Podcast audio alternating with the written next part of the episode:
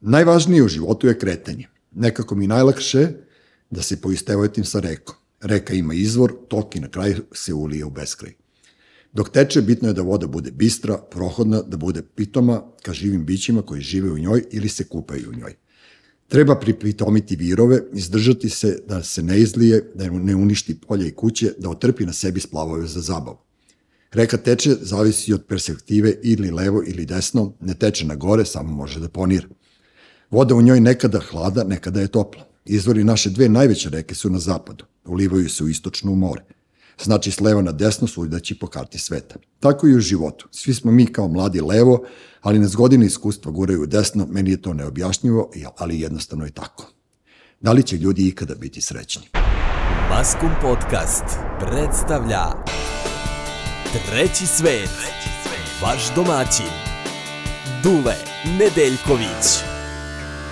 Gost današnjeg podcasta Treći svet je Bojana Nedeljković, e, ekonomist iz Beograda. E, kako si, Bojana? Kao ta reka tvoja. Te, tečeš. Se leva na desno idem. e, ali uglavnom tečeš ono svojim tokom, tako da ono nema, nema potrebe da se izlivaš za sada. Pa tečem, evo, skoro sam istekla 40, 40 godina i nekako sam došla do ovde. I da. mislim da, da sam imala sve ove tokove i gore i dole i, i poniranje i izviranje i gejzire i...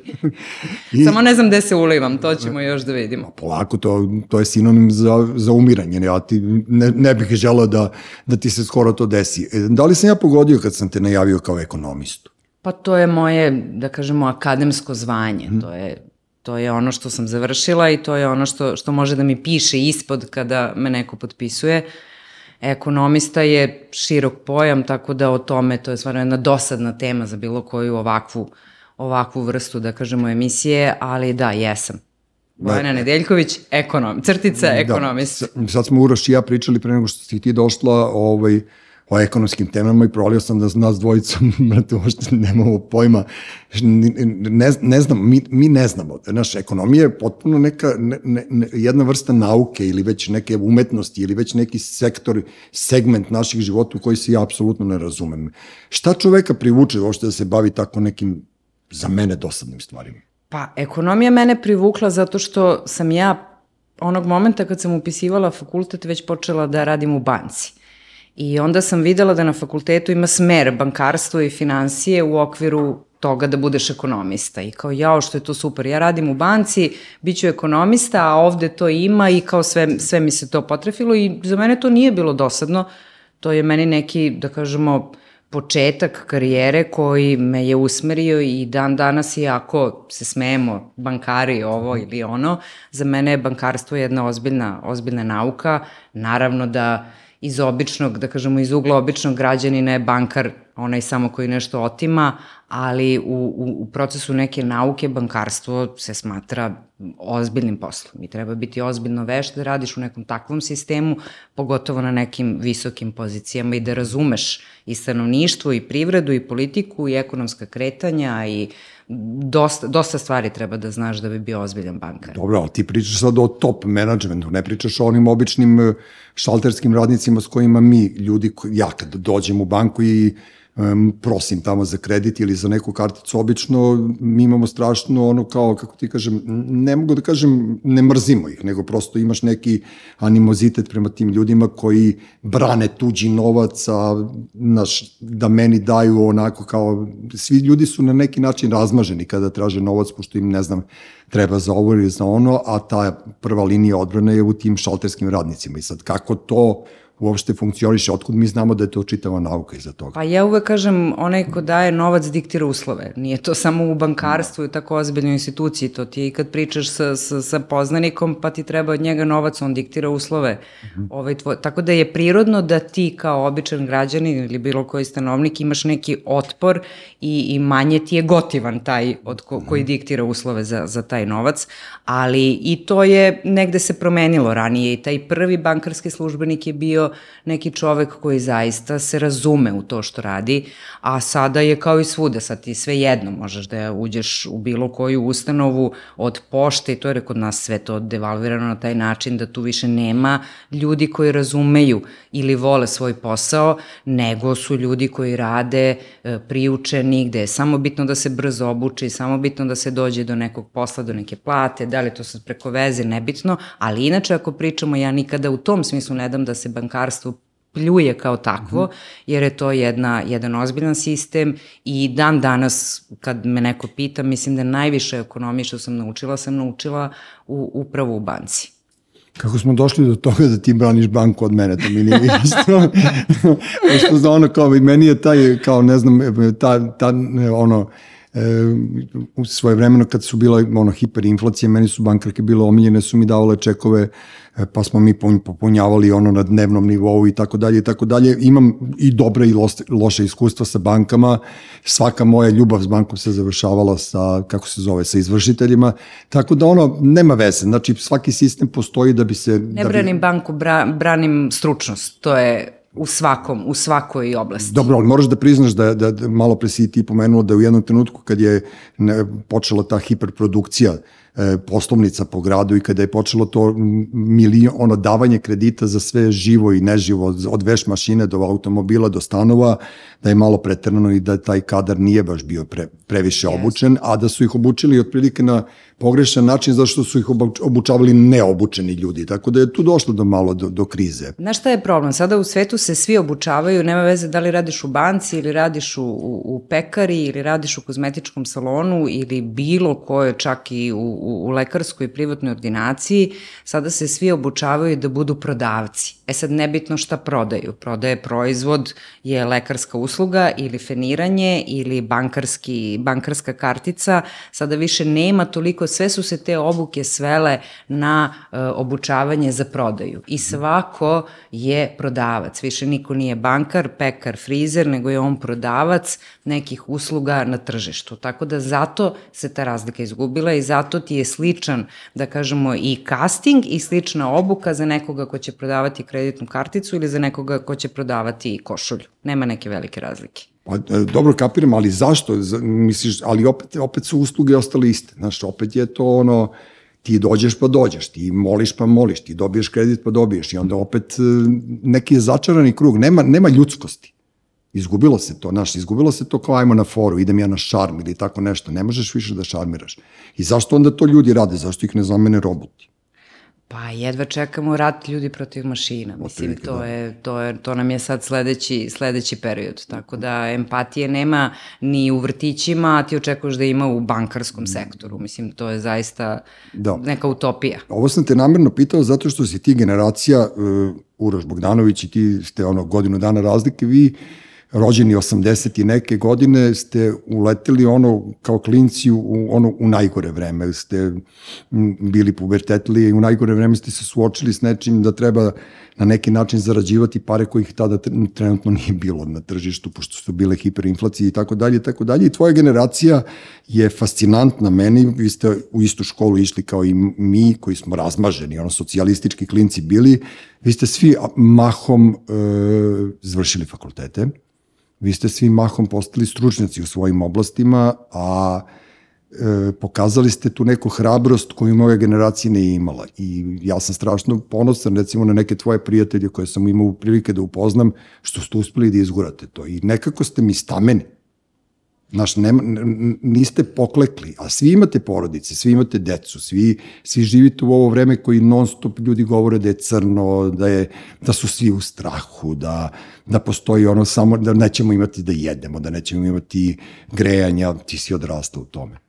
I ne vidim da se... Više da nismo imali grejanja nego što smo imali, da. zato sam malo prirekla kao ta reka sa, sa, sa početka, jer kad pogledam sad negde, napunila sam 40 godina i nemam onaj utisak kao jao, napunila sam 40, pa sad nešto treba da se dogodi specijalno ili treba nešto da počne ili se nešto završilo. Ja više imam utisak nekog ponosa kao napunila sam 40 godina, znate vi šta je sve se desilo u tih 40, ne samo meni mm. generalno, desilo se meni, desilo se mojim prijateljima, desilo se zemlji, desilo se planeti i u svemu tome smo negde da kažemo, isplivali svega toga na ovaj ili onaj način. A što se tiče naše generacije, mi smo tu tu shvatili da je izlazna u tim ludim, nenormalnim, bednim vremenima, da nam je izlazna strategija da da, da nešto naučimo i da na osnovu i za, da se za to uhvatimo. Nije ni to bilo, bog zna šta pametno, jer svi ti prijatelji koje pominjaš i, i koje viđamo, i od jedan je veterinar, jedan je radiolog, jedan je ekonomista, jedan je arhitekta, i dan danas mi svi radimo po dva, tri posla i dan danas mi imamo problem kada pošalju za tri rekreativne, tri rate, nije se, nismo mi ništa, da kažemo, uradili epohalno, ali jesmo se tad uhvatili za obrazovanje i jesmo mislili da samo to može da nas izvuče iz te neke baš bede koje je tad vladala i jeste nas izvuklo, dovelo do nečega da evo, ako ništa drugo, živi smo danas i plaćamo te rekreativne, kako god, na ovaj ili onaj način, ali nismo, e, mislim da nam je primarni cilj bio malo viši od tog neke svakodnevne muke koje imamo i danas, kad pogledaš 40 godina kasnije ili 30. Nismo mnogo, nismo mnogo toga uradili, mada delo je da smo svi jako uspešni i da smo svi postigli nešto što čemu smo težili. Kako niste uspešni ako ste živi, ako radite poslove za koje ste se obrazovali i imate svi super porodice, kako niste živi? Je, ne, jesmo. Navikli ste se i drugo, ja od vaše generacije nikada nisam čuo one fatalizme, ono, ne idem da napustim zemlju, ja ću da napustim zemlju, mene kao, ne znam, e, režim me smara, ja ja ne mogu da se iskažem, naprotiv tvoja generacija je bukvalno, vi svi blistate u svojim karijerama, kako neko ovako, neko onako, sad si pominjala veterinara, on nije veterinar, on je profesor veterine, sad si pominjala radiologa, on nije radiolog, on je profesor radiologije, ima tu e, raznoraznih likova i drugara koji su rasli zajedno između naše dve generacije, pošto mi smo ovaj, bili udaljeni jednu ulicu u životu, ja sam bio Majke Rosina, ti si bila Lole Ribar ili Svetogorska, kako se već sad zove, i u tom kraju je, ra, rasli su ti ljudi, ti klinci su rasli i meni pred očima i oni su danas svi akademski građani. I to je, to je divno. E sada, e, prosto, e, kažem ti, sada su ljudi počeli da kukaju. Ko su ti ljudi? Zašto oni kukaju? Pa ima tu još, ima tu dva razloga zašto mi nismo kukali. Prvi razlog je što, nažalost, mi smo ona generacija koja čak nije bila ni do trsta po farmerke, jer tako, mi nismo mogli u tom trenutku realno da idemo u trst po farmerke I onda mi čak nismo bili ni lažno inficirani tim nekim sjajem toga kad odeš kao negde, pa se nešto sad specijalno dešava. Mi prvo to nismo ni gledali, ni u tome učestvovali, a druga stvar zbog koje nismo kukali, jer sve ono u što smo ulagali vreme, u što smo ulagali taj neki svoj trud, e, negde nam se isplaćivalo i, i došli smo do toga, ja uvek kažem, i, i kad uđem u kuću posle dana gde je i crkla pošta i centralni registar i prošlo, nije prošao clearing i zvali su iz škole, izva... ja uđem i kažem ćao mačići zato što imam taj neki optimizam da ljudi dok se kreću i dok nešto rade mogu da očekuju i neki rezultat. Nisam od onih ljudi koji sedi i kuka, ali daleko od toga da svi nismo bili očajni bar 100 puta dnevno u ovih 40 godina zbog raznih stvari. Ali mi stvarno kao generacija nemamo, nemamo tu apatiju u sebi i stalno nešto iznalazimo, stalno se pomeramo, e, krećemo, pokušavamo, saznajemo. Negde između sebe smo uvek bili takvi da guramo jedni druge u dobro, a ne da, da se tetošimo u nekom da.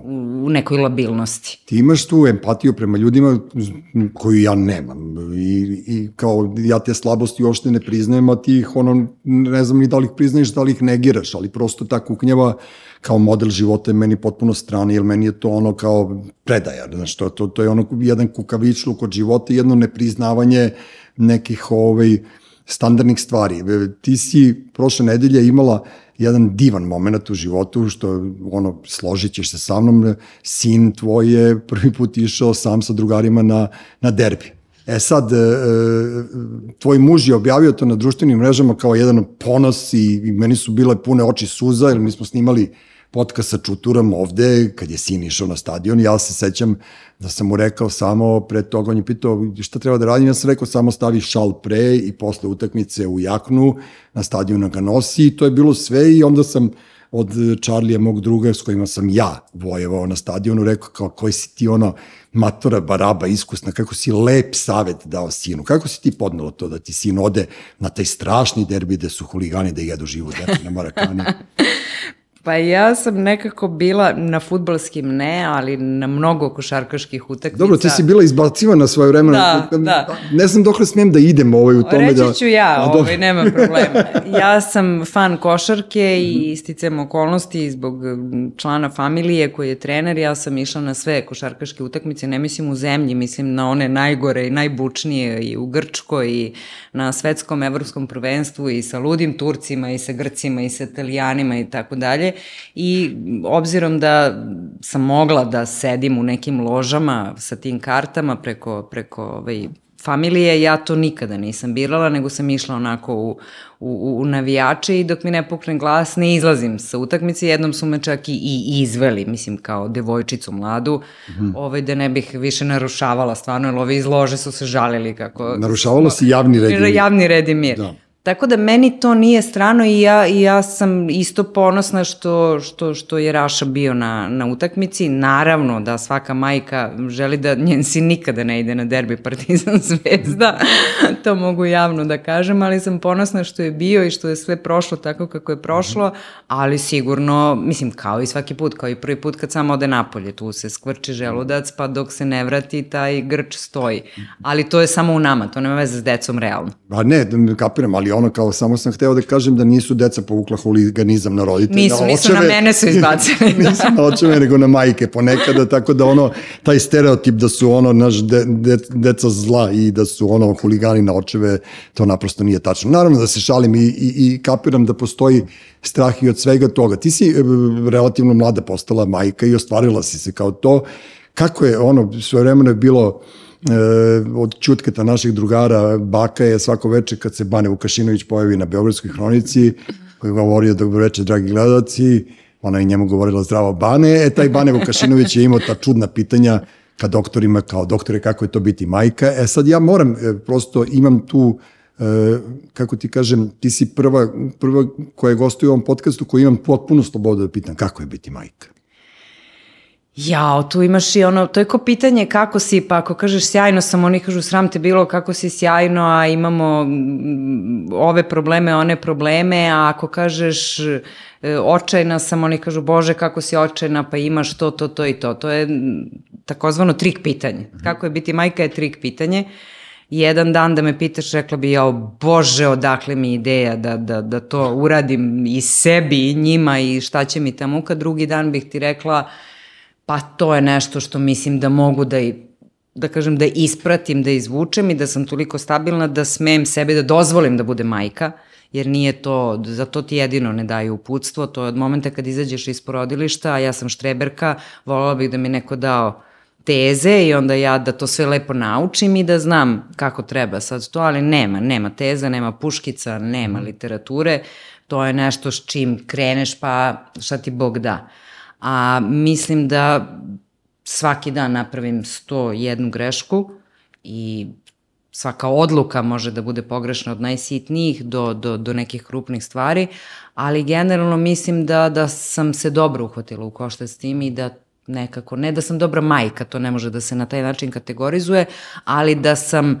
da kažemo, da toliko mogu da bih bila majka nekim bićima. Eto, toliko mogu sebe da dam i tome na taj način da, da se posvetim. A sigurno sam i, i, i grešila i, i pravila pogrešne procene mm. i pravila pogrešne odluke, to je, to je neminovno. E, sad će neko da pomisli da mi razgovaramo u životu o ovome, nikad nismo pričali o ovome. Pa nismo, Mislim, da. Ali zaista nismo i zato sad ono, ne koristim priliku, nego prosto ajde kao, e, ovo je neki, neki novi nivo našeg razgovora, e, jesi se plašila iskreno? Jes, jes. Mislim, Ja strah... tebe to, ja, ja, ja tebe to nikad privatno nisam pitao, ja sam stalno to negirao u stvari. Da, da. strah je ta neka, mislim, možda najbolje zvuči plašiti strah, ali ne mogu baš tako da definišem, mada to imam i danas, to nema veze sa tim da li sam iznala bebu od 3 kila i 150 mm. ili imam kući Rašu koji se vratio s derbija ili Anju koja polaže prijemni, ja imam generalno taj strah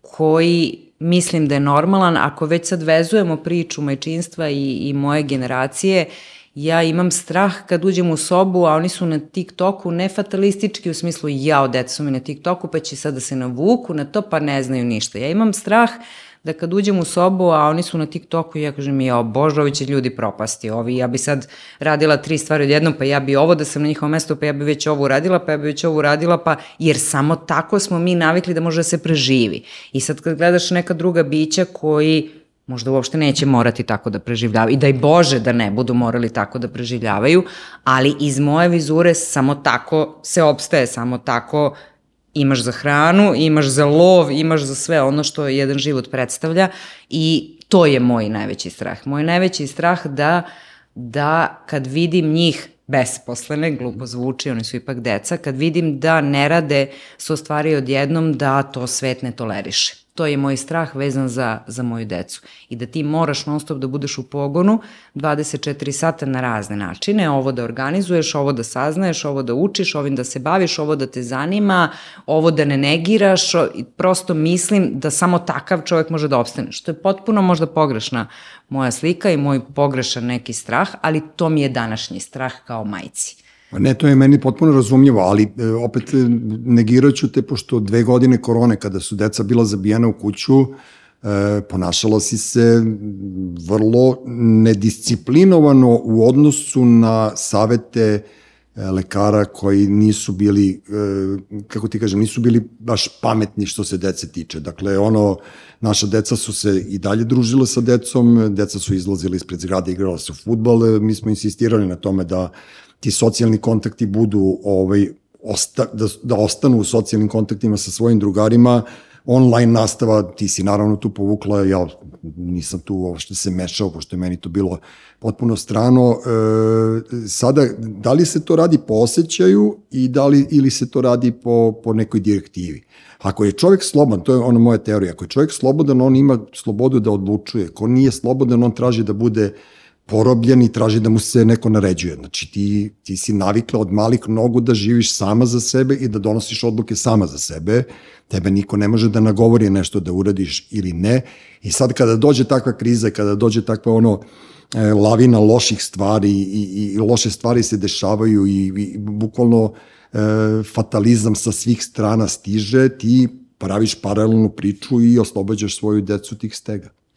Pa, pazi, ja ne radim to na način da sam ja sad smislila model kad je sad to počelo, svima su nam u isto vreme rekli od danas je vanredno stanje i sad vi se snađite. Nisam ja znala unapred pa imala vremena da, da se spremim, a vi ste kao saznali kasnije.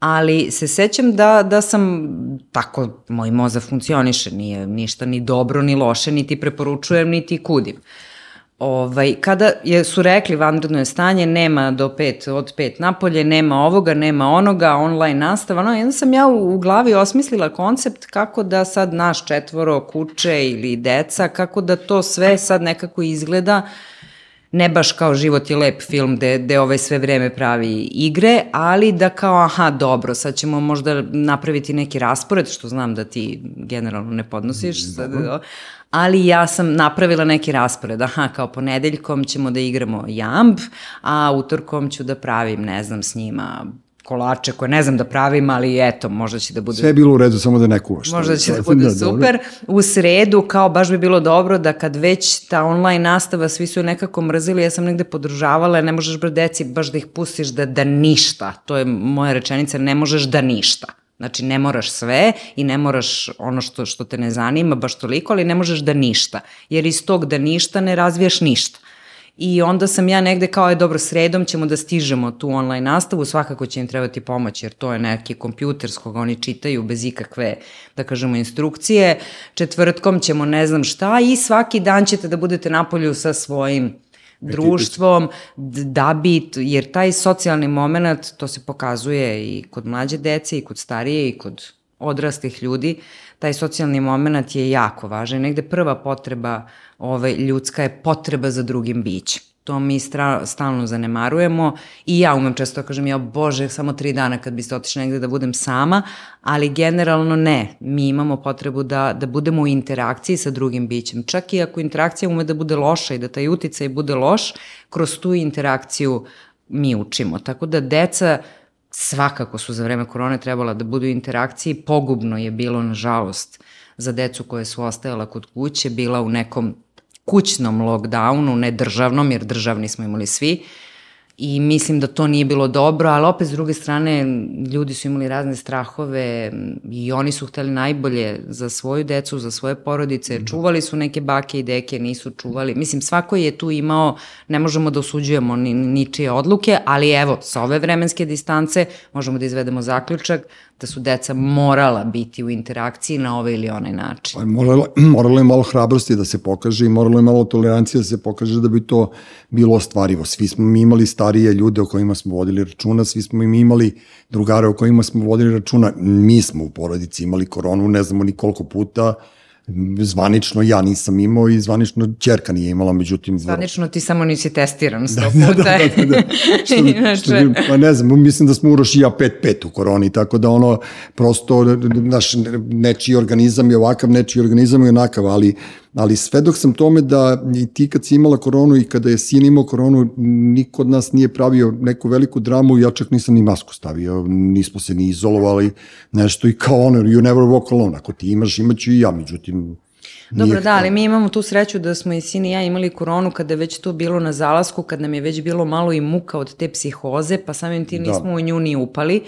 Ne mogu da tvrdim kako bismo se ponašali da smo imali koronu ako je vanredno stanje uvedeno 15. marta, a mi bili pozitivni 17 ne znam da ti kažem. Ali si bila pozitivna 10. Da li bi plakala, mislim, ali, po ceo dan, ali... Ali ti si nulti pacijent i Ilka nešto ste bili prvi koji ste imali da, koronu da, u Beogradu. Da, još nije zvanično. Sedam dana pre, pre nego što je korona proglašena, ti si bila odsečena od života, tako da... Jeste, prvi put u životu, tako da mislim da sam već tada imala, a ovo sada što sam imala na kraju, negde sam već negde čovek iz iskustva i znanja shvati pa dobro neću umreti, pa dobro neću završiti u bolnici, pa dobro sada je već to na ovaj način i onda nekako to lakše, lakše i prihvatiš. Ali zaista ne znam kako bih se ponašala da smo imali to na samom početku dok još čovekov najveći neprijatelj je strah i to što ne zna šta treba da radi, šta, šta će da se desi. Tako da u tom smislu to ume toliko da parališe da ne donosiš čak ni, ni, ni dobre odluke. No. Tako da ne znam, možda bi se vezala u jednoj sobi pa vas terala, pa možda ovako je to negde bilo sve prihvatljivo i tada kada je sin imao, on je on je dobivši koronu sazreo. On je samo rekao, molim vas, izađite iz sobe, ja ne želim vas da zarazim, što je pokazalo svest određene vrste koju smo mi mislili da u tom nekom uzrastu deca ne mogu da imaju, da. tako da i sve, eto, i svega toga smo ja uvek gledam dobili nešto dobro. Dobili smo njega koji je to izgovorio što nam pokazuje neki ozbiljan ozbiljan, da kažemo, ozbiljnu zrelost. Dobili smo čerku koje su sve drugarice imale i koja se nosila tu sa, sa tim lomovima, da li je i ona, da li će nas zaraziti i tako dalje. Tako da ne mislim da nam desilo nam se svašta strašno, ali eto, ja uvek gledam na to tako da, da smo negde i iz toga izvukli sve ono što smo mogli dobro da izvučemo. Najveća žrtva korone sam ja, koji sam, kad je to sin izgovorio, za masku, ja sam ušao u sobu, skinuo sam u masku i on se rasplakao pred njim, ono, prosto bio sam u fazonu, brate, ako je tebi nešto, bit će i meni, tako da ono, naš... Da, mora, najveća mora žrtva shvati... korone i porođaja je, je Duša Nedeljković, da znate, oba moja porođaja. e, naši drugarici Aneti sam jednom prilikom onako, e, ono, kako sam je rekao, spontano sam je rekao, ti nemaš pojma šta je porođeni bol, na što sam doživeo aplauz na otvorenoj sceni, a, a tu je bilo recimo četiri četiri žene koje su bile majke i one su me gledali kao zadnjeg bolida, ali nisu shvatile moju asocijaciju da one ne mogu da shvate šta je bol, a da je taj bol veći od porođaja. Ne, dobro, to su naše neke, neke stvari koje koje su onako simpatične, koje se šalim, nego samo htio sam da, ne, ne naravno da se hvalimo, nego prosto taj ceo period koji smo prošli je bio jako težak i uh, bilo je posle toga, posle te korone i potresnih nekih roditeljih i se zastanaka gde smo mi saznavali neke stvari koje ja sad neću da pričam o tome. Naravno, e, ne kudim nikoga, ali prosto treba voditi računa, pazimo na decu, jer će deca jednog dana paziti na nas. Pa to je sigurno i, i ja samo se nadam da, da, da smo toliko uradili da prvo će umeti da pazi na sebe, no. Da. a onda jednog dana da pazi i na nas to je negde valjda ono čemu težim. Ne, moj osnovni strah je ono da budu bezbedni i ja sam se odavno deklarisao da sam ja telohranitelj naše porodice i prosto u toj ulozi ne mogu da kažem da uživam, ali nekako ja sam dron ti si ta e, osoba koja, koja radiš te poslove na zemlji, ono, zemaljski operativac, ja sam od gore posmatram da sve bude u redu, da sve bude bezbedno i to nekako funkcioniše u ovoj našoj maloj skladnoj zajednici. Da ne bude to da si ti sad bankar, ti uopšte nisi bankar, u stvari ti si radila u banci dok se nisi udala za mene, onda sam ja e, pokušao da ti objasnim da to uopšte nije dobro i pametno za tvoju budućnost da ostaneš da radiš u banci i od tada si ti u stvari otišla u privatne vode koje su vrlo vrlo nebezbedne, vrlo, vrlo, vrlo uzburkane i ti si u stvari preduzetnik zadnjih 15 godina, ili tako? Pa tako bi se to moglo nazvati. 16, 17, ne znam. Ja sam iz banke prošla i ja kažem imam u CV-u stranu kompaniju, pa domaće javno preduzeće javni servis Srbije sa sve pokojnim Tijanićem, pa onda ovaj, strane firme, pa sobstveni gazda, što kažu, prošla sam tu neku neku karijeru koja nije, nisam ja ni pevačica, ni glumica, ni zbog toga nisam ovde zbog neke sa svoje karijere da vam kažem koliko imam CD-ova, nego prosto jesam prošla svašta u smislu tipa ustanove i organizacije u kojima sam radila.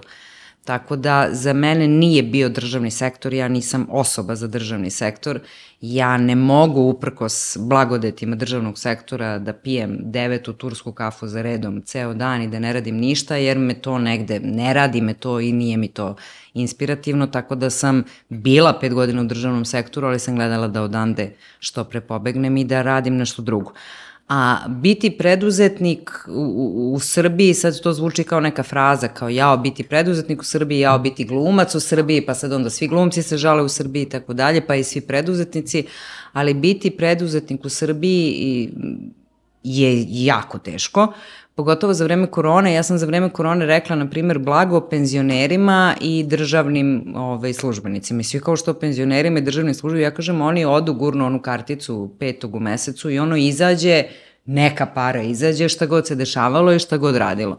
Mi preduzetnici nismo imali gde da gurnemo karticu petog u mesecu, ni za vreme korone, a ni ovako, ako ne stvoriš ozbiljno sebi sam posao i ako se za to ne izboriš, u sve, da kažemo, neolakšice koje, koje nemamo, tako da nije jednostavno i nemaš nikakvu sigurnost, nemaš, nikakvu, nemaš nikakvo obećanje, niko ti ne kaže da, da ćeš dobiti neku platu ili da ćeš uraditi nešto, nemaš čak ni, ni, ni taj garant u nekom roku, kao ti si sad preduzetnik pa ćeš biti preduzetnik do kraja života, pa ćeš ostvariti o penziji, da ne govorim, tako da sve u samo nemamo ništa. Da, da, da, da, da. Drugim rečima, kao preduzetnik nemaš ništa, nemaš penziju, nemaš platu, nemaš ništa, a nešto kao radiš i boriš se, međutim, ono što je negde moja sreća kroz celu karijeru, ja sam uvek radila, tako se potrefilo, nisam ja sad mogla baš toliko da biram, pa se sad time, ovaj, da kažemo, ku... hvališ. Hvalim. Ne da, kažeš, nemoj da kažeš kurči, molim te, da, da kažemo hvalim. Da, da, da. Ovaj, uvek sam radila posao koji volim. A dobro. Ja obožavam svaki svoj posao, ja sam radila i kad sam radila u banci, ja sam te posao obožavala. I kad sam radila na RTS-u, ja sam volala sem tih turskih kafa i nerada, sve ono što se radi. Kad sam radila i u privatnoj bolnici, ja sam obožavala taj svoj posao. I sada kad radim ovaj, kao preduzetnik, ja obožavam svoj posao i uvek rado, nisam od onih, ja ponedeljak volim, ponedeljak je moj omiljeni dan, zato što se ponedeljkom sve kreće, nevezano da li ideš na posao, ali ponedeljkom se vraća neki red. Krećeš da radiš, krećeš škola, krećeš neke nove, nekako čini mi se da petkom uveče, sem zabave, koja ti svakako treba i što ću sad ovaj vikend o, da obavim, o, sem zabave, mislim da petkom stane svaka mogućnost da još nešto se dogodi, da još nešto uradiš, da još nešto doprineseš, tako da ja ovaj, volim petak zbog zabave, mm. a onda jako volim ponedeljak, jer imaš, dobiješ priliku, kao da mi neko da svakog ponedeljka priliku da još nešto uradim i da, da postignem. Ja, ja mrzim nedelju zbog tvoj, tih tvojih zabava, pošto onda kuća padne na mene, ali dobro, o, o tom potom. Siroti. Da, da, jadan, da, ono, jer ja sam se na vreme ovaj povukao iz, iz noćnog života da bih mogao da funkcionišem uopšte na bilo kakav način, normalan ili nenormalan. Ali opet vidiš sad razmišljam, kad pominješ te svoje e, često menjenje posla i te poslove, imala si ti e, i više sreće nego pameti u nekim situacijama. Ne mislim pameti u, ono, u, u ružnom smislu, nego ono, da li te je instinkt vodio ili, je, ili se tu nešto, ali nisi propuštala šanse, uvek si, ne mogu da kažem čak ni grabila, razmišljala si da li da prihvataš neke stvari, ali definitivno ta odluka da napustiš neku banku koja je bila vrlo solidna i to si na visokoj poziciji bila i da odeš u neko nebrano grožđe u RTS-u, da budeš uh, poslovni sekretar, šef kabineta. šef kabineta Aleksandra Tijanića, koji je ono, da si mene pitala, verovatno bi zaplakao istog trenutka, ali pitala si me, ja sam rekao, ok, ako ti misliš da, da, da, to treba da radiš je u redu, posle toga si otišla i radila si u jednoj od eh, naj, kako ti kažem, najtransparentnijih privatnih kompanija koje su ono model poslovanja nekog zapadnog poslovanja, to je Jasmina Knežević, eh, nećemo pominjati ime firme, prosto imala si ono kao dodirne tačke s tim e, ljudima koji su, ovo je bio kralj jednog sektora, ovo je bila kraljica privatnog sektora, učila si školu od njih, ali niko od njih nije toliko simpatičan poput tebe. Ne, ozbiljno ti kažem, znaš. Pa ne, znaš kako to... Niko od njih nije toliko normalan osim tebe. Ja, sećaš kad smo bili, na primjer, u, u urgentnom centru i... Ne. A, da, da. Što beše ono? Pričamo o Urošu. Da, Uroše, bili da. smo u urgentnom centru, ovaj, on je mm, isekao nogu. Aha, e, dobro, dobro. I, ovaj, Mislio sam zbog neke drugih stvari, ali dobro, ne već. I sad u jednom trenutku ja sam shvatila da neće biti primljen skoro i sad prosto to je u meni. Sad vidim krevet broj 7, soba broj 9, znači niko ništa ne radi, jedan ozbiljan je vašluk.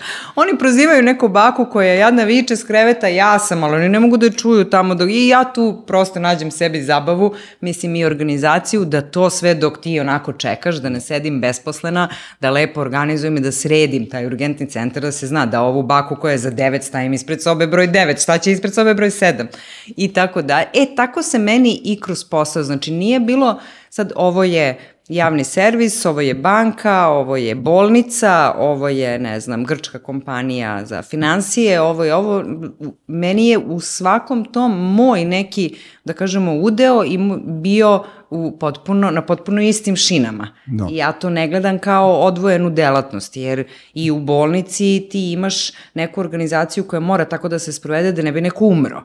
Pa imaš i u RTS-u organizaciju koja mora tako da se sprovede da ne bi bio crn ekran. Znači, to su meni sve, onako da kažem, to je imperativ da to čime se firma bavi funkcioniš. I ja se na taj način odnosim prema, prema svom poslu. Kao i sada, kao i, i, i bilo gde. Tako da nisam to doživljavala kao jao, gde ćeš sad u zdravstvo, a bila si u medijima. Gde ćeš iz medija u financije, gde ćeš iz ovoga u ovo, nego prosto ja svoj posao radim tako da to funkcioniše uh, odlično, no. Da. nema veze koja delatnost, koja delatnost bila. Pa ujedno tako bih mogla i, i poštu da im sredim od svega onoga što ne rade kako treba do jednog, jedne sale urgentnog centra gde se ne zna o čemu se radi uopšte. Ja, takvi ljudi kao, kao što si ti su ono u stvari opasnost za bilo koji režim e, koji funkcioniše na neki način na koji ovaj sadašnji i oni prethodni su funkcionisali, jer niko ne trpi ambiciozne i pametne, sposobne ljude, zato što bi im, ono, bukvalno polomili taj sistem po kome niko ništa ne radi i samo piju te e, pomenute domaće ili turske kafe. E, ja sam svedok toga da si par puta imala neku žicu da počneš da, da, da uđeš u politiku, međutim brzo si odustajala zato što prosto Pa, mislim, život u, u Srbiji i u, u, u Beogradu generalno i, tako kako smo odrastali, upravo smo to pomenuli, znači kroz Lola Ribara gde sam ja živala je prošlo više demonstracija nego ovaj, trolejbusa. Da, da, da. Tako da sam ja kad izađem iz grada ja sam bila na demonstracijama i to ti je negde urođeno i, i negde sam urođeno bila večito u, u, u, da kažemo, u tom nekom otporu, u buntu, um, rođena sam opozicija, nikada nisam bila ni jednom idejom uz vlast, čak i kada su moji iz opozicije bili vlast, tako sam negde ovaj, satkana, tako da nikad i ne volim ljude koji kažu jao, ja sam apolitičan, mene to baš briga i to ne, to ne može da te bude baš briga, jer to je isto odlika jednog odraslog bića koje mora da se gledava sve stvari oko sebe, pa samim tim politiku. Tako da uvek sam negde bila na granici da imam želju da se malo time ozbiljnije bavim, a uvek sam se negde tome vraćala jer vraćala želji da ne bavim se ozbiljnije, jer sam shvatala da, e, da, ja bih stvarno da mi neko iz vlasti, evo i ove sad ih pozivam javno, stvarno da mi daju salu urgentnog centra i dve pošte, da samo da ne tražim ništa mm -hmm. i ne trebaju mi ni milioni, ni tuđi stanovi, ni, nego prosto kao sigurna sam da ovo može da funkcioniše. Mene to zapravo nervira kod e, vlasti. Sigurna sam da može drugačije da se daju izjave za medije. Sigurna sam da ja mogu sada 10 sati da govorim ovde sa tobom ili bez tebe ili sama i da, da neću e, nikoga poniziti i da neću opsovati. I da ne, znači, sigurna sam da ljudi mogu da se nauče i u koroni da PR treba da bude neki školovan PR ili neko ko ume da govori a ne da nam govore političari na ovaj način na koji se nama razgovaraju i sigurna sam da sa razgovaram sa nekim političanom i sadašnje vlasti da bih da bi on pre pričao na ovom mom nivou nego što bi uspeo da me uvalja u blato njegovog načina razgovora. I mislim da tome svi treba da težimo i ako bi me neko pitao, ja bi od sutra krenula time da se bavim i da to rešam i da to nekako podignem na, na neki viši nivo bez ikakve političke no. Da. obojenosti. To, to je stvarno neophodno. Zato ti ja kažem, nikada neće, niko te neće pozvati, niko te neće rado prihvatiti u bilo koju političku tu ekipu, niti ćeš dobiti neki državni posao ono tog tipa, zato što ćeš sa tom tvojom energijom, cela tvoja generacija smeta.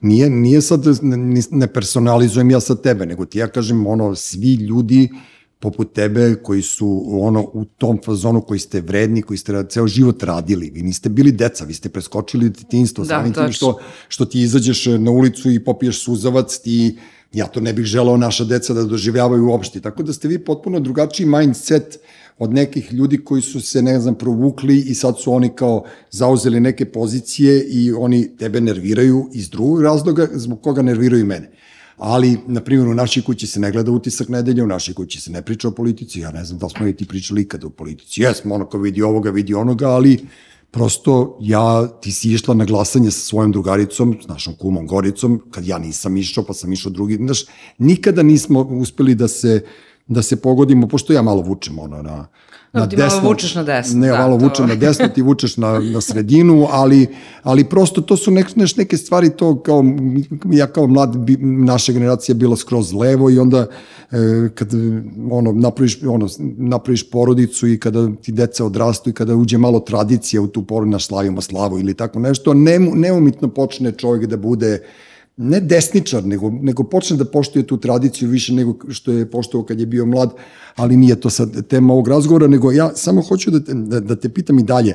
E, I pored svega što sad radiš, ti si uspela da nađeš i noćni posao, što, ja, što, ja, što je meni jako simpatično, jer tvoja energija ne prestaje. Ti sad radiš e, e, u kafeu, ne radiš kao to, kao, ne, ajde sad, kako se to kaže, nisi suvlasnik, nisi vlasnik, nego si prosto ono, žena koja radiš ne, sa ljudima. To, tako je, koji radim to, sa ljudima i, šta god. Da, i, i, i, i dolaziš vesela kući iz tog posla. Ka, od, zašto, kako? Pa, zato što... Um, Voliš pare, u stvari. Ne, Nije čak ni to, jer, Znam, jer od toga ničega ne, nema, zato kažem, i sve moja generacija i sva šta, šta smo sve uradili i, i pomenuti radiolog i pomenuti e, veterinar ili profesor, speci, specijalizanti i ostalo, ovaj, rade po dva, tri posla. Tako da, ni, da je to zbog para, onda bi mi svi kao radili dva, tri posla zato što zarađujemo milione. To čak nije ni to, nego je to prosto uh, ta potreba što, što sam ti malo objašnjavala i taj strah da ako non stop ne radiš nešto što ima neku upotrebnu vrednost i samim tim priznaješ neki, ne poraz, nije to na, sad na toliko velikom nivou sad da padnemo u očaj i da, nego prosto sad kao dolazi leto, pa će svi treba da idu na letovanje, pa treba svi da rade ovo, pa treba malo da se opustiš, pa treba da dođe neki septembar, pa ti jedno dete kreće u srednju školu, jedno vamo, jedno... I sad ti imaš leto kao mogućnost da još nešto dodatno se angažuješ, nevezano dalje toliko zbog para, ali ima i para, i da to sve nešto proteče kako treba. Ja ne mogu da tu energiju suzbijem na taj način da, da je ne upotrebim u, u još nešto. Ovaj, počeš od toga kad se šetkam po kući da pušta mašine Dobro, i ostalo. zato si i oterana da radiš u kafani, zato što se šetkaš po kući i Da. puštaš mašine, tako da nekako je ono, naš produktivnije koristi to vreme. Znaš koja je fora? Porasla su deca. Nema više potrebe s njima da se bakćeš, sad, smo, sad je ono, od dvoje odraslih, sad imamo četvoro odraslih u kući, svi smo ono, Da. jedinke za sebe i onda kao svako treba da nađe, kao što ja gledam futbol, tako ti voliš da radiš, prosto to je, to ne treba, uopšte ne treba sputavati. E, Pa ne, pa ne, ne pa, pa, znaš šta, ja mogu sad, kao, kako ti kažem, ja ono, naprosto imam sreće. Ovo molim vas da se, pod, da. se podvuče. Ne, ja imam sreće što si ti moja žena. Naravno da imam sreće zato što sam ja razmaženo derište koje je ono sin jedinac koji je tata direktor, mama ovo, znaš, kao prosto ceo život smo do tebe, pazi, ja sam, e, kad si se ti rodila, ja sam tad naj, najviše uživao i to je, to, to je ono što tvoje generacije neće doživeti. Ja to ne krijem.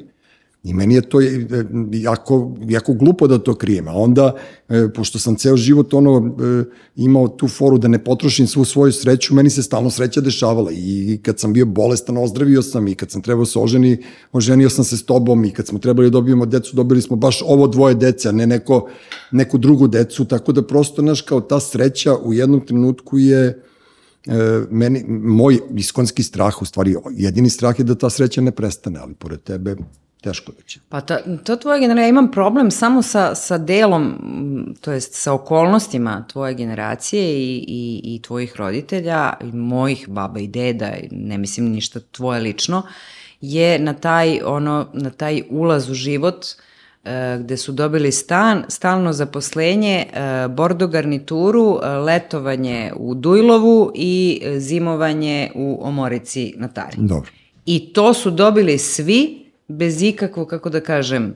I sad kad ti pogledaš kakav je to ulaz u život i kakav je to bojazan za neke stvari, ti shvatiš da su se oni bojali i imali straha za dve i po stvari na nekom nivou godišnje možda, ako i toliko.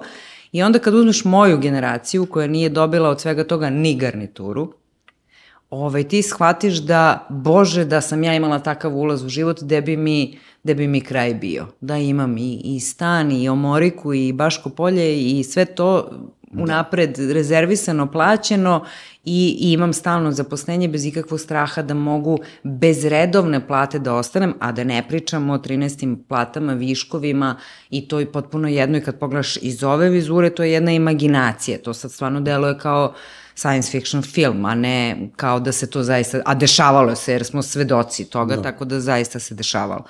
I onda iz toga imam taj neki pravedan bes prema toj, toj generaciji i prema tim ljudima koji bi sad da mene ili tebe ili bilo koga ili bi ti mene svejedno da naučite kako treba od prvog da štedi i da se kupi, ne znam, na vreme prašak ili da se plati na vreme infostan, može kada budem imala sve to što je ta generacija na taj način dobila, onda ću možda moći ti, tom dinamikom da isplatim sve ove i, i, i- stvari i da negde kao to bude sve kako treba. U ovo današnje vreme, u ovom današnjem ja je zovem prašuma jer se svako jutro ide u lov, tek kad uloviš nešto onda možemo da pričamo o infostanu i o prašku. Do tada stvarno mora da se odrede prioriteti. Ti si ono e, fa- fantastičan e, svedok e, razlike u našim generacijama, pošto ti znaš sve moje drugare i znaš kako smo rasli i znaš celu priču iz istog smo kraja, znaš, poznaješ i svoju generaciju i viš koja je to ono, o- ono užasna razlika i sada razmaženost moje generacije je ponekad mene postidi u odnosu na tebe. Ja hiljadu puta sam ti rekao, ja se stidim, nekad imam grižu savesti, zato što ti radiš neke stvari koje ja mislim da nisu preterane, nego prosto naš, mislim da si previše angažovana, a onda shvatim da ti je to u stvari u, u, u duboko u tebi. Tako da tu negde nestane moja moja griža savesti, ali, ali da ste vredni i da ste, da ste, da ste e, marljivi i da ste se borili za sebe jeste, ali to mi nismo imali, naš, mi smo, mi smo komunistički, ono, restlovi, ono, naš, razmažena derišta, ono, socijalističkih roditelja koji su svi imali pozicije i dobili stanove i, Jeste. i jedino što smo uspeli pametno uradimo u životu je da tapnemo te stanove i da, da se kurčimo 10 godina, da živimo ovako dok ne potrošimo i onda ja ciju i svedoci smo pucanja ljudi i svedoci smo toj nervozi i tim, tim zavistima, ljubomori prema mlađim ljudima, što je po meni ono nepojmljivo, jer ja sam jedan od onih koji, ti si svedok, koji sam rekao da svim ljudima preko 50 godina treba zabraniti bilo kakve odluke da donose što se tiče društva, naročito da ne smeju na glasanje da izlaze ljudi 50 plus, nego treba prepustiti zemlju potpuno mlađima, jer ja to gledam kroz svoju decu i prosto to je to.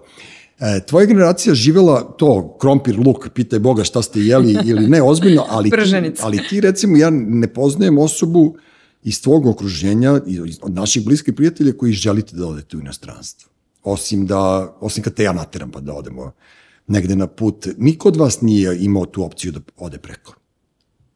Ili nije, nije, ti ne voliš inostranstvo. Ti ne bi odavde da Pa mislim, ne, ja ne bi odavde da idem da, da živim. Znači, to, mi, to mi nikad nije bio, nikad mi to nije bila želja, nikad sam bila mala, nikad sam bila srednja, nikad sam bila velika, to mi zaista nikad nije bila želja. Nisam, ovaj, ne, iako se ne bojim nikakvih početaka i u školi kad sam bila u osnovnoj, za mene nasnica rekla, ajde nju bacite u kinu, ona progovori kineski, onda ćemo da imamo šta će da radi. Tako da ne mislim ja da se negde ne bih snašla ili da negde ne bih bila vredna, nema to veze sa, sa, sa, sa mestom gde se nalaziš, ali nisam stvarno imala nikad potrebu da sad se iselim i da kao odem i onda radim. Jer opet se vraćamo na to, sto poslova koji sam radila, svaki sam volala. Nisam imala od čega da bežim. Ako pričamo da bežimo od političke situacije, Pa ne, ja sam baš želala tu političku situaciju, ako treba i na ulici menjam, a ne da pobegnem od političke situacije.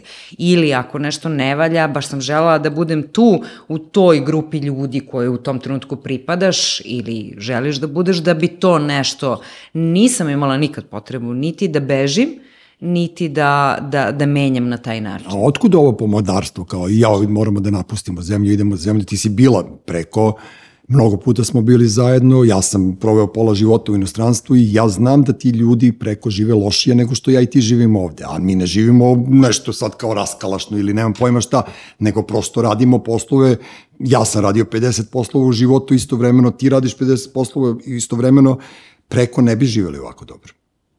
Ja, ja, ja ti garantujem, mislim, pa a ti to vrlo dobro znaš. Šta znam, neko uh, prepoznaje to inostranstvo kao neki mir, a meni mir unosi nervozu, tako da prosto mm. različito, različito ti imaš taj narativ da kad kažeš ja ne bih ovima preko 50 plus ili šta je ovima što kukaju, ti to izgovaraš kao neku vrstu osude i onda, ovaj, pa ne, možda ljudi kao jao, zašto on sad meni ne bi dao da glasam. A zato što nije zaslužio e, da glasa. to hoću da ti kažem, a ja ovaj, se delom slažem sa tobom i da ti ljudi ne žive dobro i da ovi preko 50, ne, ali bih to drugačije interpretirala. Znači, meni e, mir u malom mestu u nekoj Danskoj unosi nemir. I ja prosto ne želim sebi da unosim nemir, nego želim da to sve bude onako kako meni prija. Men, ja sam, pošto sam rođena u Beogradu, gde je utovarao se ugalj nedeljom ujutru u, u 8 u sklonište dole u ono, kako se to zvalo, a preko puta smo imali onaj veliki od C marketa ventilator koji je proizvodio neviđeni zvuk. Kroz ulicu su mi prolazile trole, to je, tako da ja nemam sad kao da meni to smeta. To je moj, to je utkano u mene, svi ti zvuci i svo to, da kažemo, nenormalno, to je sve nenormalno, ti neku tovara ugalj, mislim sad bi rekli, podigli bi borbu, ono, protiv, znaš, svašta ne nešto kao zašto njoj ispod prozora ima ugalj. A tada je to bilo normalno i negde sam se sa tim načinom života u takvom gradu srodila. Meni te mirne kućice, seosko, cvrkuću ptice, ja to nisam i to meni ne težim, niti bih ikada išla da živim tamo i oko toga se sporim, odmah ti kažem sad javno. Dobro. Ne idem da živim nigde ovaj gde je mirno Znam i simpatično. Ja. Tako da zbog toga nisam tu vrstu mira tražila, a negde s druge strane više sam imala, nije to patriotizam, ja baš nisam od tih da se busam u grudi sad kad sam ja nešto tu sad veliki patriota, ali nikad nisam imala potrebu da pobegnem onda kad je neka frka. Prosto no. Da. sam takva i za vreme bombardovanja i za vreme demonstracije, za vreme svega. Seti se da su mene za vreme bombardovanja kao da me sklone kod, kod tetke u Atinu gde je izobilje nešto, a ja neprestano plačem jer, jer su moji svi u Beogradu na, na trgu Republike ili u, u ispred politike. Ili na krovu tvoje zgrade. Ili na krovu zgrade i, i ima svačega i zemljotres se na kraju desio, ali kao kako sam, kako sam ja otišla. Ja sam sebe bukvalno proklinjala zato što sam otišla, a tamo je, tu, znači ne, nemam taj, nikada nisam tela da, da, da pobegnem. Mogu da odem turistički i to mi je sve lepo i znam šta volim turistički, ali da odem nešto da živim jer tražim nešto drugo, ja u stvari ne tražim nešto drugo, meni je ovde sasvim okej. Okay. Šta voliš turistički, majke ti rođene? Da ima trotoar, da ima hotel, da ima trafika, Sve da je civilizacija. Ima. Sve to ima. Znači sa neke, ne volim zabiti, ne volim sela, ne volim mir i tišinu, ne volim da nema, da izađem na asfalt i da sam u gradu i da imam da pijem kafu i trafiku da kupim cigare. Čekaj, što onda ne voliš London? A London je druga priča. London ne volim zato što, mislim... Zašto ga ti voliš, pa neću da idem stalno s tobom. To je... Ne, ne, bila Do... sam u Londonu dovoljan broj puta da mogu da kažem da ga ne volim, jer i za mene ti to gledaš svakoga nešto vezuje. Tebe za London vezuje punk, tebe za London vezuje neka tvoja sećanja, iskustva. Eto, mene za London ne vezuje ništa, te vrste, mm -hmm. a turistički je naravno lepo otići i možda bih ponovo obišla da obiđem neke stvari koje nisam obišla, ali nisam se zaljubila, nije me kupio, nije me ni sa čim da. privio taj London da bi ja sad hrlila tamo svako malo. Dobro, ne, to je meni potpuno jasno, nego se šalim ono kao zato što znam da, da, da ne voliš. A i odvratni su na aerodromu. pa to, da si imala si, ono, moja supruga je jedna od onih, kako beše, na, na hitru ima e, bezbednostna procedura da svaki sedmi se random ovaj, odvlači na ček, tako da su tebe odveli na ček i ja sam umeđu vremenu bio u free shopu, menjao parfeme, onda je naletela Biljana Srbljanović, pa sam pričao s njom, pa je došao Zoza Panjković, pa sam pričao s njima, tebe nigde Za sve to vreme su mene skidali, e, pregledali, e, svašta ispitivali, uzeli mi mobilni telefon, da. ja sam uporno pokušala da te zovem, policajac me udario po ruci kad sam se uhvatila za mobilni, a ti si se parfemisao. A dobro, to, toliko to. Nekom je život majka, nekom je vače. Na kraju su me pustili i sve sam ovako sa suzom u očima i sa štiklama u ruci da tražila po da, aerodromu. Da, ali nisi rekla da si bila raskopčane košulje i da si da, bila da... Da, straš, potpunih, straš. Pa, ali straš. dobro, našao sam te, utešio sam te do momenta dok nismo poleteli, onda smo leteli u Jetstream, pa se malo avion isprevrtao, tako da ono, potpuno mi je jasno zašto ti ne želiš da ideš... I onda kao idu u London, da, da. ne pada mi na pamet. Da, sad smo imali isto ono kao, po, po, pošto znam e, tvoj odnos prema avionu, e, imali smo par onako fantastičnih situacija, ja sam ceo život leteo i meni je to sve jedno kad sam vas ostavio onda e, suprugu sa dvoje maloletne dece sam ostavio na aerodromu pred let za Tivat, kada je bio grad na sve strane, pa sam išao da spašavam auto, da mi ne izlupa auto grad, a tebe sam pustio avion. To je bilo prvi put, Mislim, drugi put to, su te... To sam ti oprostila, ok, red, to sam ti oprostila. Živa si, ali bio ali sam cela u mislima scena, Mislim, cela scena je Raša još u pelenama i cuclama, ja ga držim i kolica i sve, Anja je tek prohodala, znači ja ne volim poletanje, mislim, prosto ne znam, mislim, ja normalna sad kad razmišljam da, da sam, si ušla u da sam grad, sve to ušla. Morala si dođeš u zgradu da što je pada grad. Pada grad, kiša, duva vetar, seva, grmi, mislim, sve najgore i kao ajde sad njegovu neku koleginicu stewardesu mm. kao da me uteši kao majka s dvoje dece. Ja kažem pa kako je odande sleteli? Ona kaže ne pitaj, ne pitaj ništa.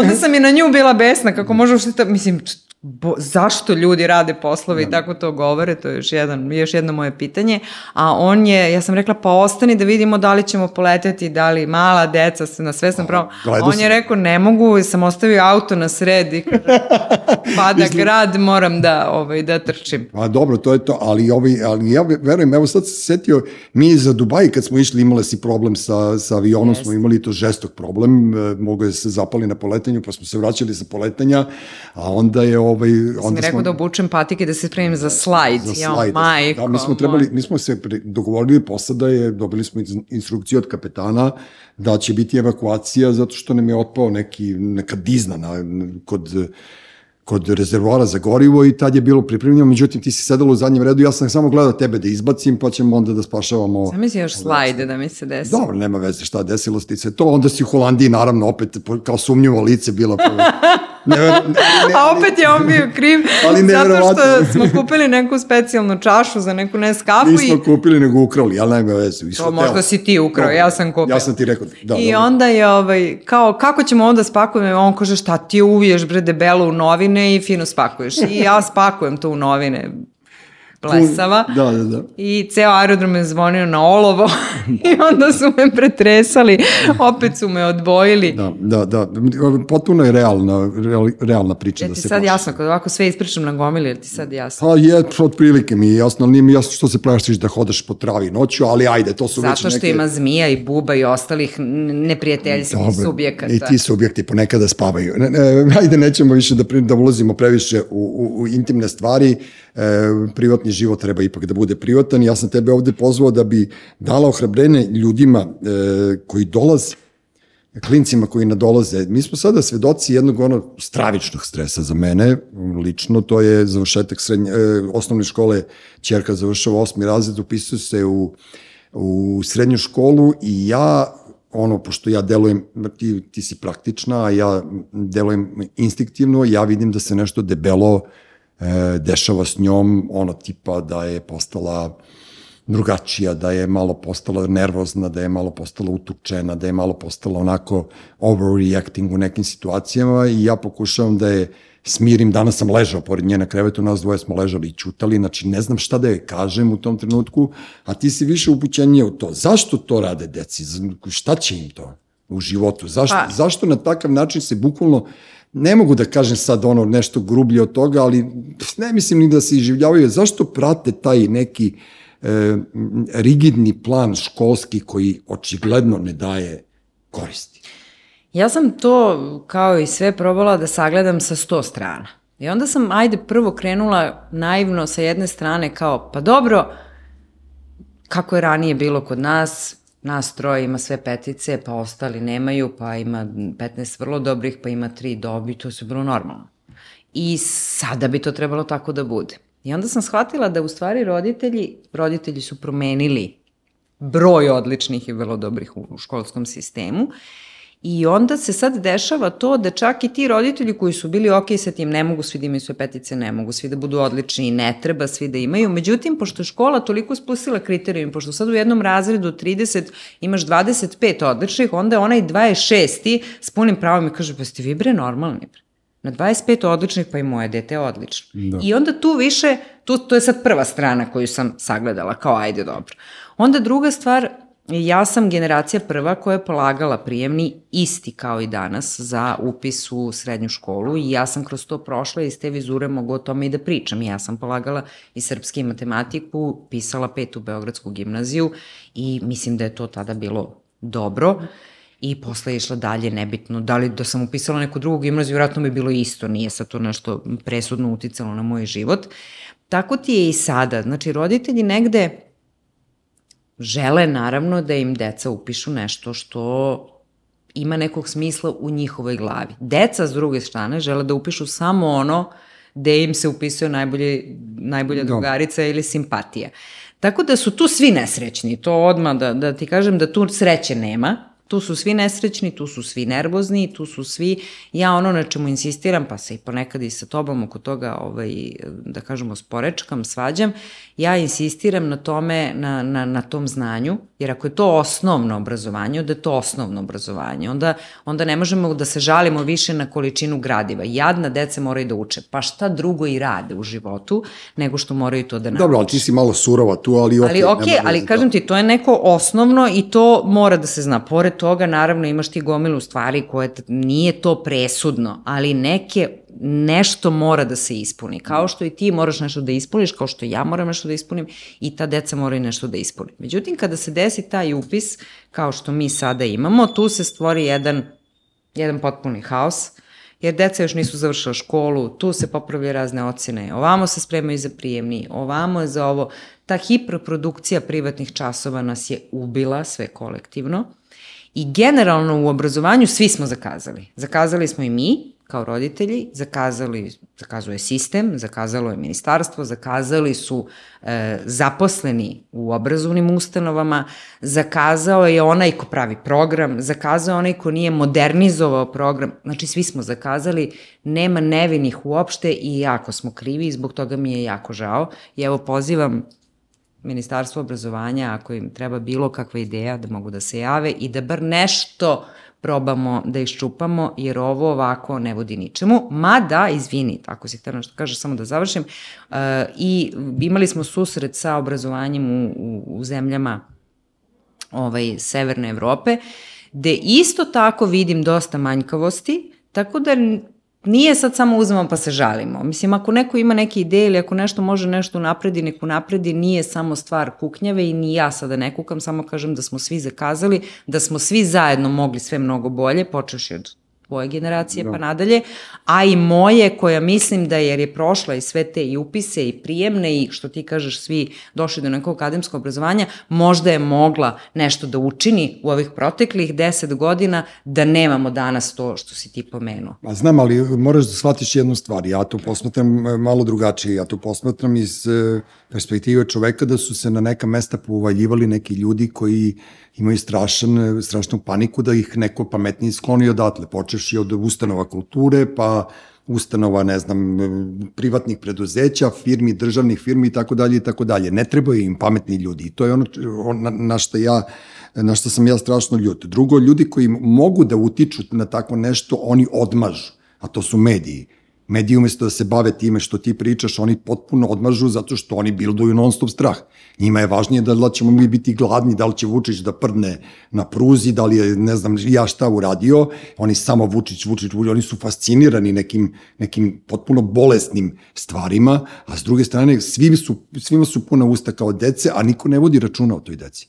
Naša deca su funkcionalno nepismena, počeši od toga da naša deca su pročitala dve, tri knjige i to uz teško i moj nagovor, nagovaranje, oni su većinu dana na tom TikToku, malo su ubrzani, to ne, to ne krijemo, ali daj Bože da to ode jednog dana u nešto, nešto pozitivno, nikako negativno, ali ceo sistem je, je, je, nemamo podršku, mi kao roditelji nemamo podršku od društva. Pa, kad... Ja sam zbog toga ljut. Ja zbog toga kažem 50 plus ne može da glasa, 30, 30 minus ne može ovo. Zato sam ja isključiv. Ja, ja sam potpuno besan na ljude koji, za koje znam da mogu da, da, da znaš, za jedan dan ovde može da se okrene. Ne možeš, bre, brate, ti svako jutro da ideš na, na ne znam, N1 ili na RTS ili na na novu ili nemam pojma da peglaš jedan isti narativ, da peglaš jedan isti stvar.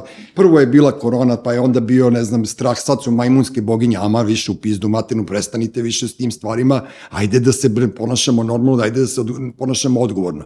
Drugo, ljudi su mentalno e, zaista ugroženi. I to već yes. velika većina. Yes. A to što su oni mentalno ugroženi prenosi se i na decu. I to je moja glavna, seti se kad si došla s roditeljskom, kad si mi ispričala priču, nećemo da detaljišemo, nije fair, Ove, koliko sam ja bio razočaran, ali, ali opet taj moj pravedni bes, ja nemam gde da, da, da izbacim nego da šetam kuće. I to je to, ali mene to poražava. Poražava me zato što znam da kad bi ti neko pružio ruku, kad bi te neko zagrlio, bilo bi mnogo bolje nego da me stalno, bre, brate, jašeš i upozoravaš. Zar nije tako? Da, ali ti vidiš sad kako se to razvija, na primer, kad ti e, kod dece prepoznaješ te neke stvari, evo sad svi pominju kao jao deca, TikTok, TikTok, pa ne, ali mi nismo probali, mi svi, ja opet kažem nevinih nema, mi nismo probali da i kod nastave i kod e, nekog modernijeg, kod čitanja knjiga i kod, zato što nam je lakše da mu linijom manjeg otpora, nismo probali da taj TikTok okrenemo u svoju korist nego smo mi to pustili da bi mi sad to osuđivali. Normalno. Znaš, pa to ti je baš besmisleno, kao da se iživljavamo na sobstvenoj deci. Mi nismo probali da kad smo videli da je taj TikTok njih zainteresovan, mi nismo probali, evo ja bih, na primjer, da sam nastavnik, da sam profesor, ja bi jedan čas u, u, u školi bilo kog predmeta, nebitno, održala u formi TikToka. Da im se smenjuje nešto na sekund, da tu kruže neke informacije, da, da, da, evo, ja i ti sad možemo da potpišemo, ja ću da potpišem, da bi deca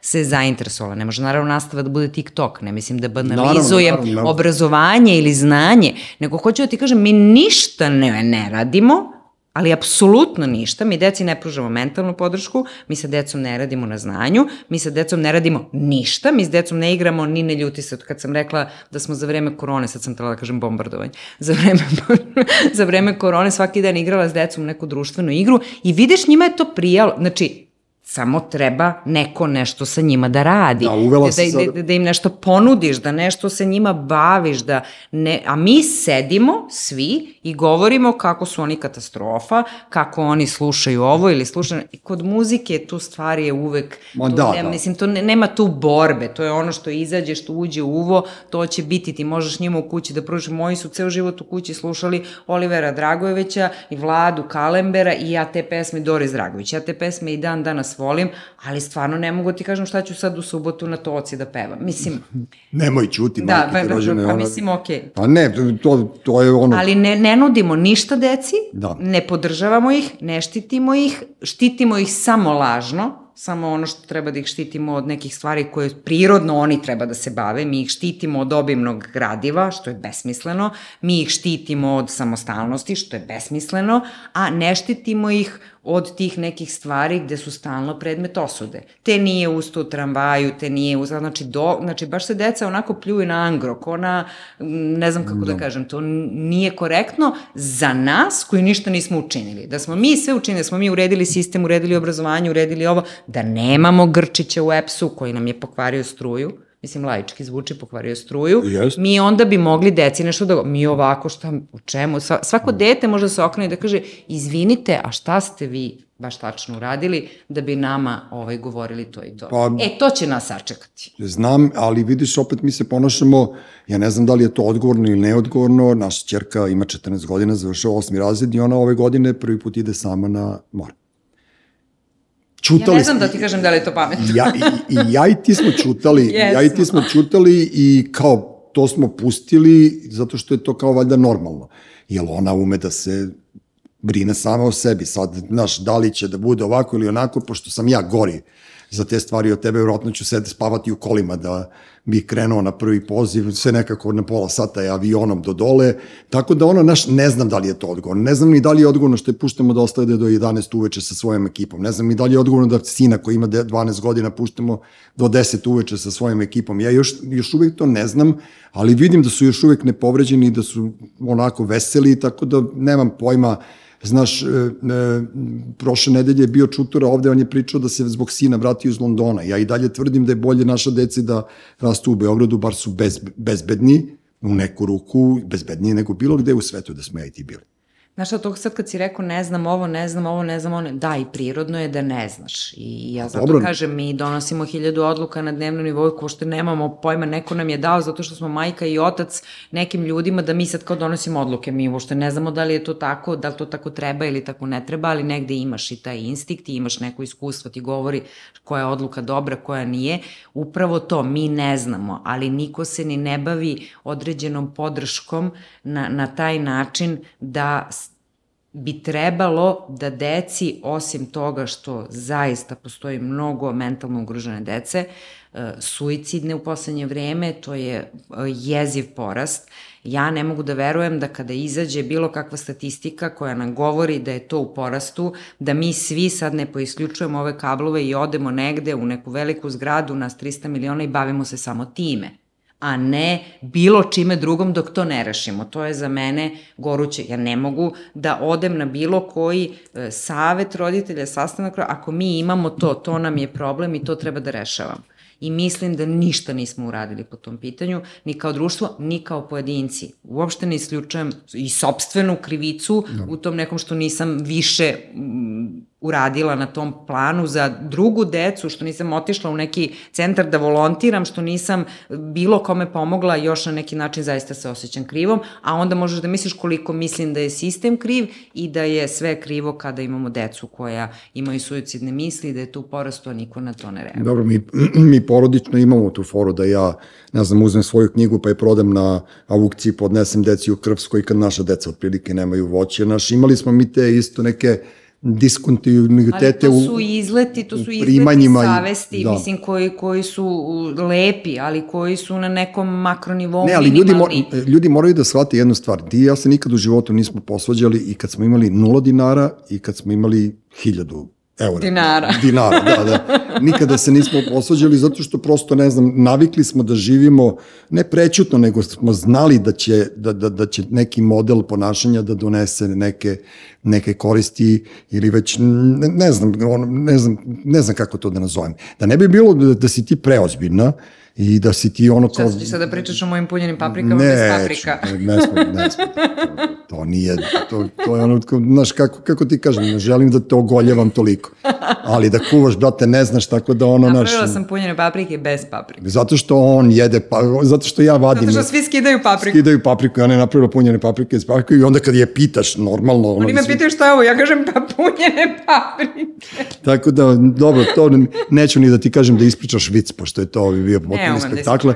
Ne, e, interesuje me samo jedna stvar, pošto si ti generacija, vi ste sad nama oteli zezanje uveče.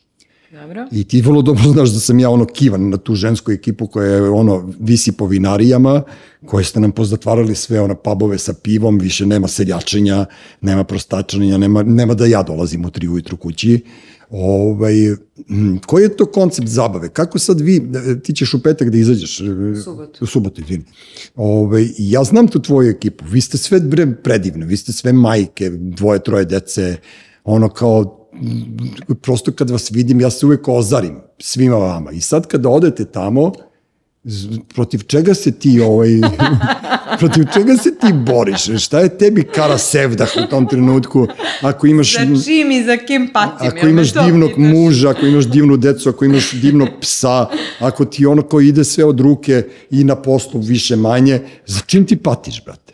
Pa to je... Ovaj, Kao, šta tebe pog, naš, pogađa u tim Prvo da ti kažem, a to sam ti rekla i pre jedno deseta godina. Ne sećam se. Sad kad bi ovaj, izašla i nikad se više ne vratim iz noćnog izlaska, ti bi imao više sati od mene. Tako da to sam ti odavno objasnila. Dobro, ali ne bi imao više, a dobro. Da, ima bi, ima bi više. Sad ne bi mogla da stignem, realno. dobro, dobro, izvini. Da. Tako da, ovaj, a jeste, deluje kao sad tu kad se pusti muzika i kad se popije vino ili jegir ili šta god, da tu svi za nečim pate i za nekim pate. Znaš, mora da, da budeš u sevdahu da bi te pogodila i pesma i sve ostalo.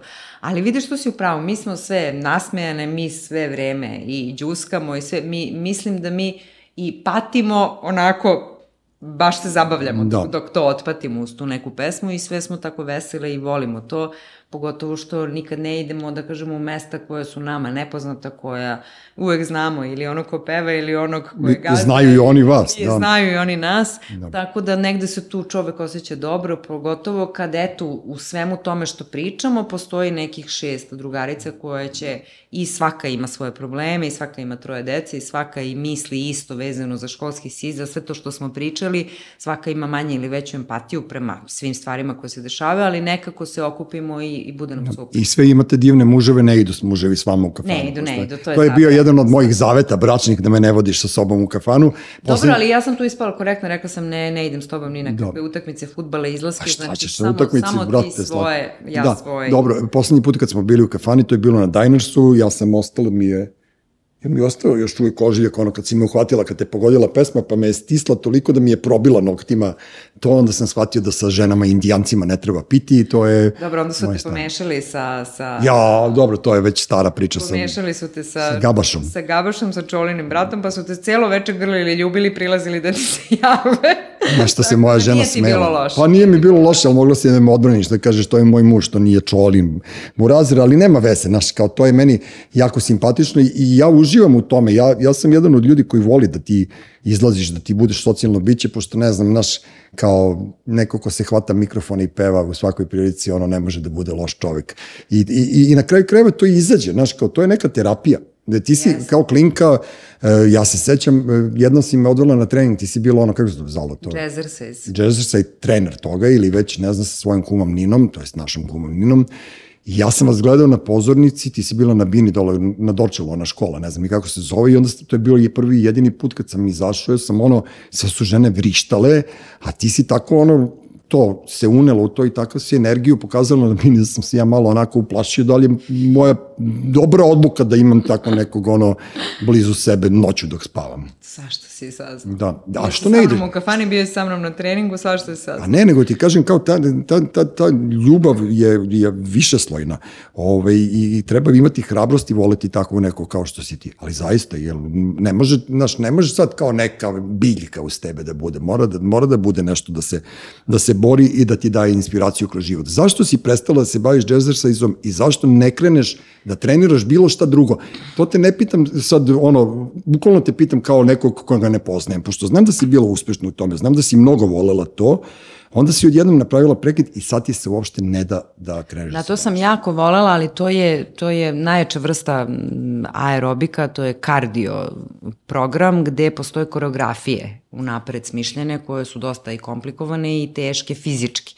I ja sam to je, i probala sam, evo kroz pozdrav za moju komuninu, probala sam sve što ima od programa, što nude, te latino, te ovo, te ono, zumbe, te, i nijedan program mi nije na tom nivou. Mm -hmm. I onda me je sve to drugo negde smaralo, nigde nisam pronašla, pronašla sebe jer ne postoji tako nešto. Ali to je možda, to je možda sad čak i žal za tim vremenima. Nemoguće da sad u svetu postoji 300 e, programa aerobika i sad samo meni ni jedan ne odgovara. To je prosto više emotivno Da. ovaj, vezano za, za taj period, za te ljude, za tu salu u kojoj si bio gde je bilo 60 ljudi, gde smo radili i pod svećama bez muzike kad je bilo bombardovanje, Da, da, da. gde smo radili i bez struje kad su bile restrikcije, gde je prosto, eto, to je možda pre to nego da sad nema programa za mene. Da, evo, opet, opet ističem s ponosom tvoju generaciju koja je pod svećama bukvalno rasla, evo, da, ono, bukvalno pred kraj, da, da, da shvatimo e, ono, odnos vas prema životu, vi ste svi bre, ono, super.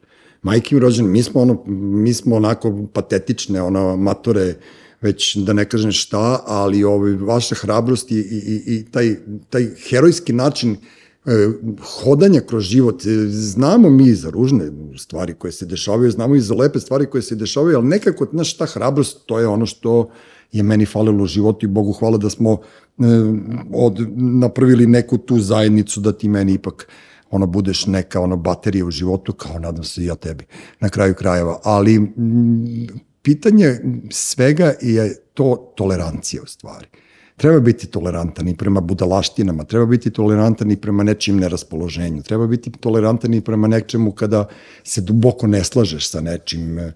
Da li misliš da si ti tu više bitna ili ja? Ozbiljno, ne, ne mislim Ja sam sad ona... tolerantnija osoba samim tim što... Ovo je potpuno rodno pitanje, jer postoji da. mnoge, mnoge ljudi koji nisu uspeli da ostanu u zajednicama, na moju veliku žalost. Evo to, ja kad čujem solo roditelj, meni je stvarno, ne mogu da kažem žal, ne, ne mogu ja nikoga da žalim, ali prosto neki ljudi koji se ne kapiraju ili koji ne mogu da nađu zajednički jezik, ono, bolje im je da se raziđu nego da prave sranja. Tako da ono, znači, kada ti, najgluplje zvuči recept za uspešan brak, ali kada ti živiš s nekom osobom 17 godina, ovaj, mora da je bilo neki stranje, mora da je bilo nekih padova, mora da je bilo nečega što taj, ta druga osoba mora da prevaziće. Dakle, ne pitam te ja lično da ti pričaš o svom odnosu, Jasno, nego jasno. koje je tvoje viđenje, šta je potrebno. Ja znam, meni, po meni je zaista to strpljenje i tolerancija i to brojanje do 10 u nekim situacijama. Znaš, znači, samo se smiri, samo pusti samo ono što sam ti govorio kad si išla na porođaj, broj do 100, proći će. Broji mi danas kod zubara. To, pa dobro, to kapiram, ali ko je, znaš, E, de- de- ono što sam, što, što ti uvek govorim na bilo koju temu i ovako kad pričamo, znači različiti su ljudi i različito ih treba, svaku tu različitost ja negde poštujem. I ja razumem kada neko rasturi brak zbog po meni nepojmljive dve sitnice, meni su to sitnice ili tebi ili njemu, nekome je to, i ja to razumem i poštujem. Isto tako razumem ako ja imam određene crvene linije koje su drugima uopšte ne razumeju o čemu ja pričam. Da. Tako da to ne možemo da generalizujemo u tom smislu sad kao, eto vidi, budala se razvela. Pa sigurno nije se razvela jer je bilo ovako ili ovako, ili ja ne bi nikad, to su one čuvene rečenice, ja ne bi nikad bila sa njom ili s njim pola minuta, ili ja bi se, ti i nisi sa njim pola minuta, pa ne možeš ni da znaš. Tako da tu, da, postoje naravno, sigurno je bilo milioni knjiga knjiga ispisanih i milion life coachova, sigurno ima recepata za srećan da. brak. Malo budite tolerantni, malo radite ovo, malo radite ono, pokušajte s ovim, pokušajte s onim, ali mislim da to sve generalno nama do onog momenta kad čovek odluči da je to kraj, da ne postoji niti recept, niti nešto što je moglo to da promeni. Da, mislim da su najtraumatičniji momenti zajedničkog života rađenje novog života, to je definitivno najveći šok koji pa može da se desi i ja tu imam ovaj odgovor da muškarci mnogo kasnije zavole bebu nego što žene koje se porode i koje nosi taj plod 9 meseci, one izlaze iz njih i one odmah postignu konekciju dok su muškarci zbunjeni, dok muškarac postigne to, dođe na taj nivo žene, ljubavi prema tom detetu, dok on ono, procesuira celu situaciju koje prođe vreme, e tu dolazi do do tih nekih posporođenih depresija i tu dolazi do prvih sukoba između ljudi i kad se tu pokaže tolerancija, kad se prođe taj period posle porođaja, tu ovaj dolazi do nastavka period nekog. svakako kad se prođe je sve lakše. Znam, Bojana, ali, ali, ali kad si rodila drugo dete, sećaš se ko ti je rekao da ideš da radiš. Nije ti niko, nijedan life coach rekao, nego sam ti ja rekao, ti ne smeš da sediš u kući godinu dana. Tako da prosto, naš, neke stvari ne treba se držati, e, kako se kaže, ne treba raditi sve by the book, koji je taj book napisao neko ko nema pojma šta je život. Samo treba bukvalno ići osjećajem kroz neke situacije, kroz neke stvari i treba paziti. Znaš, on, on, volan, nije volan za svakoga, treba naučiti da voziš kroz život i nema svako dozvolu za vožnju. To je ono što sam teo da ti kažem.